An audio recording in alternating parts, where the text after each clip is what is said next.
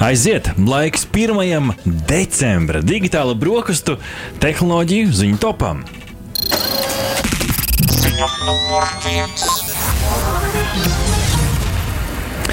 Eiropas komisija paziņoja, ka tā ļaus plaši izplatīt 5G pakalpojumus lidmašīnās, nosakot noteikts frekvences mobilo tālruņa savienojumam lidojuma laikā. Šāds lēmums nozīmē to, ka avio kompānijas lidojuma laikā tieši Eiropas Savienības teritorijā varēs ļaut klientiem veikt un saņemt tālruņa zvanus, īsiņas un datus, tāpat kā atrodoties uz zemes, kā uh, mums stāstīja mūsu Latvijas radio kolēģis Rihards Plūme Latvijas radio ziņās. Uh, pakalpojums tikšot nodrošināts, izmantojot īpašu tīkla aprīkojumu aprīkojumu, ko sauc par uh, piko šūnu. Uh, tas savieno lidojumu laikā esošo tīklu ar Zemi, izmantojot satelītu. Tad caur satelītu uz Zemi, uz lidmašīnu tāda kā cilpiņa.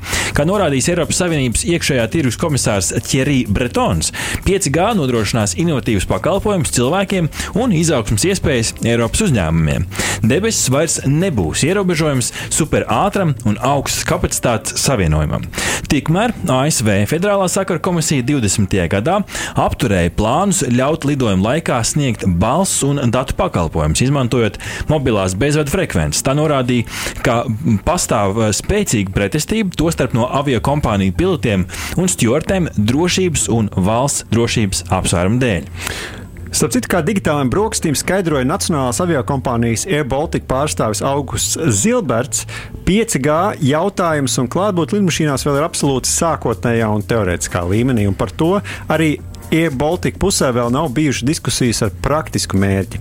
Visdrīzāk būtu nepieciešams kādas jaunas tehnoloģijas, jo pašreizējā situācijā 5G teorētiski varētu izmantot tikai pieslēdzoties zemes tīklam. Tātad tas nozīmē, ka šobrīd to varētu izmantot vien īsu brīdi paceļoties un uz īsu brīdi nolaižoties.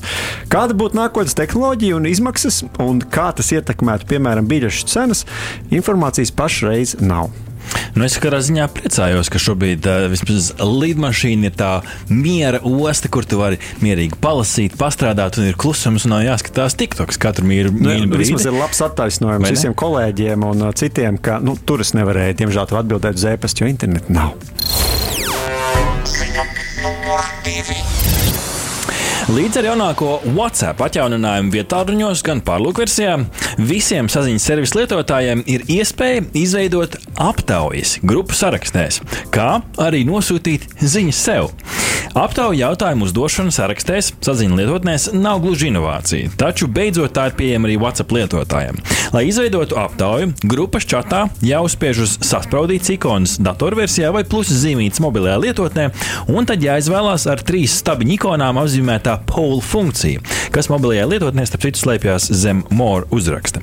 Lietotāji pēc tam var balsot aptaujā, un rezultātus var detalizēti apskatīt zem view votes uzraksta. Uh, redzams, viens uh, ekrānā vienā ekrānā redzams gan jautājums, gan visu atbildžu varianti, kopskats, kurš par ko ir nobalsojis. Un ir iespējams norādīt līdz 12 dažādām atbildēm, uz kurām saraksts dalībnieki var sniegt šo te savu balsojumu, izvēlēties vienu konkrētu atbildes variantu. Loģiski nevar piedāvāt divus atbildžu, vienādus, divus vienādus atbildžu variantus. Un grupu aptauju funkcija, protams, pieejama kā Android, tā iOS, tā arī pārlūka programmas versijā. Savukārt, kas varbūt ir mazāk pieprasīts, pieprasīts, bet tikpat iespējams noderīgs rīks ir aizsūtīt ziņu sev, jeb message yourself. Um, nu, piemēram, atgādinājumi, kādi piezīmes, melnraksti, kādas bildes varbūt jāpārsūta. Tas var būt kaut kādā brīdiņā ērti. Līdz ar jaunāko atjauninājumu versiju lietotājs varēs redzēt sevi kontaktpersonu sarakstu augšgalā, piesprāst varbūt pat sevi šo čatu sadaļā, sadaļā kas var būt uh, parocīgi, un par to mums visu stāsta portāls Cursors.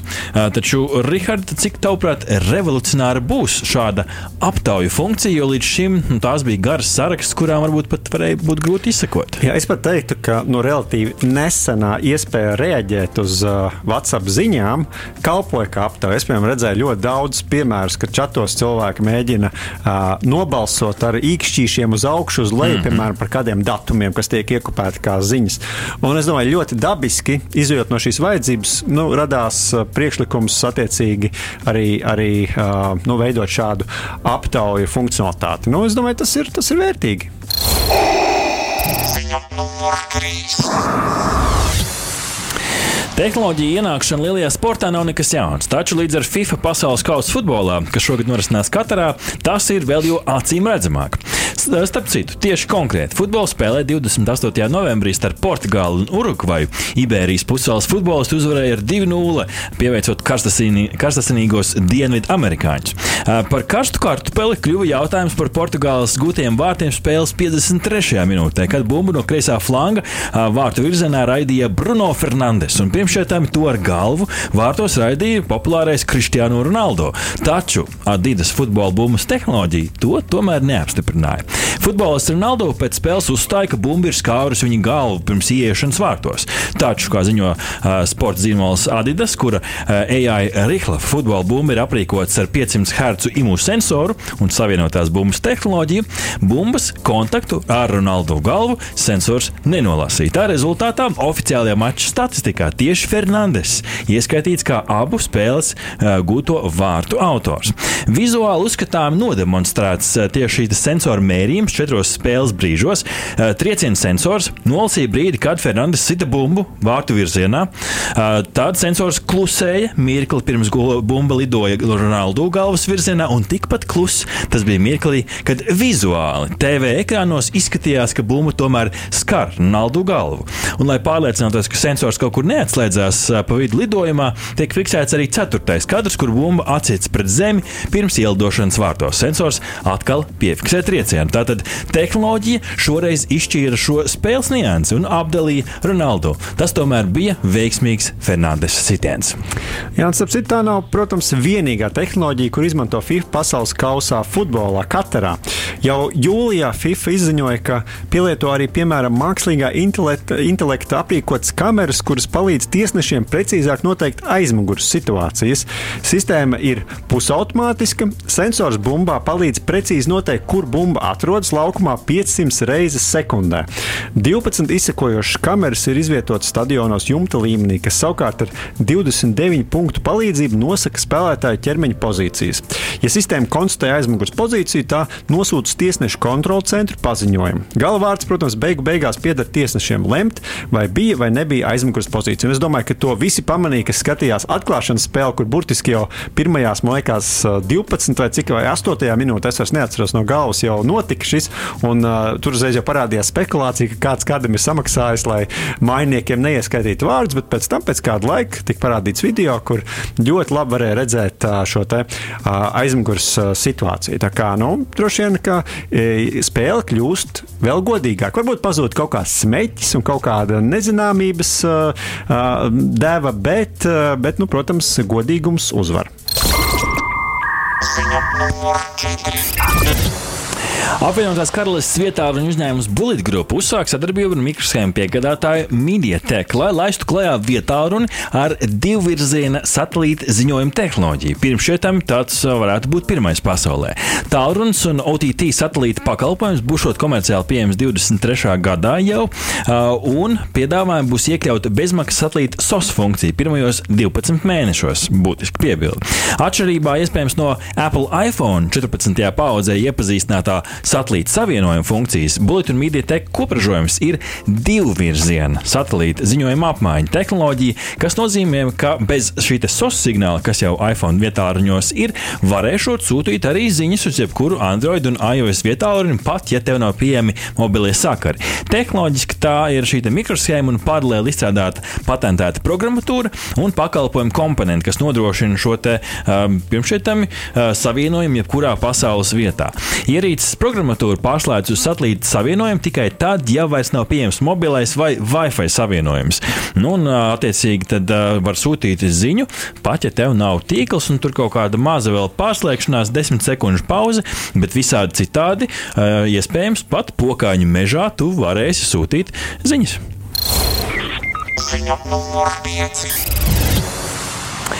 Latvijā dibinātais robotikas jaunuzņēmums Giraffe 360 piesaistījis 16 miljonu ASV dolāru investīciju no San Francisco riska kapitāla uzņēmuma Founders Fund, kura portfelī ir tādu uzņēmumu kā Airbnb, Spotify un SpaceX. Giraffe 360 gatavojas laist tirgū savu jaunāko kameru, kas vēl vairāk atvieglos un uzlabos veidu, kā nekustamo īpašumu nozarē tiešsaistē tiek reklamēti mājokļi.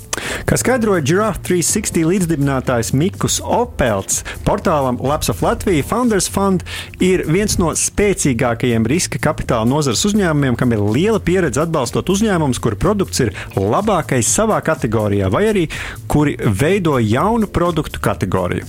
Citēji, kopš Covid-19 ir ievērojami pieaugušas attālinātā darba iespējas, pieprasījums pēc virtuālajām tūrēm un aizraujošākas virtuālās realitātes tieši no da datora ekrāna.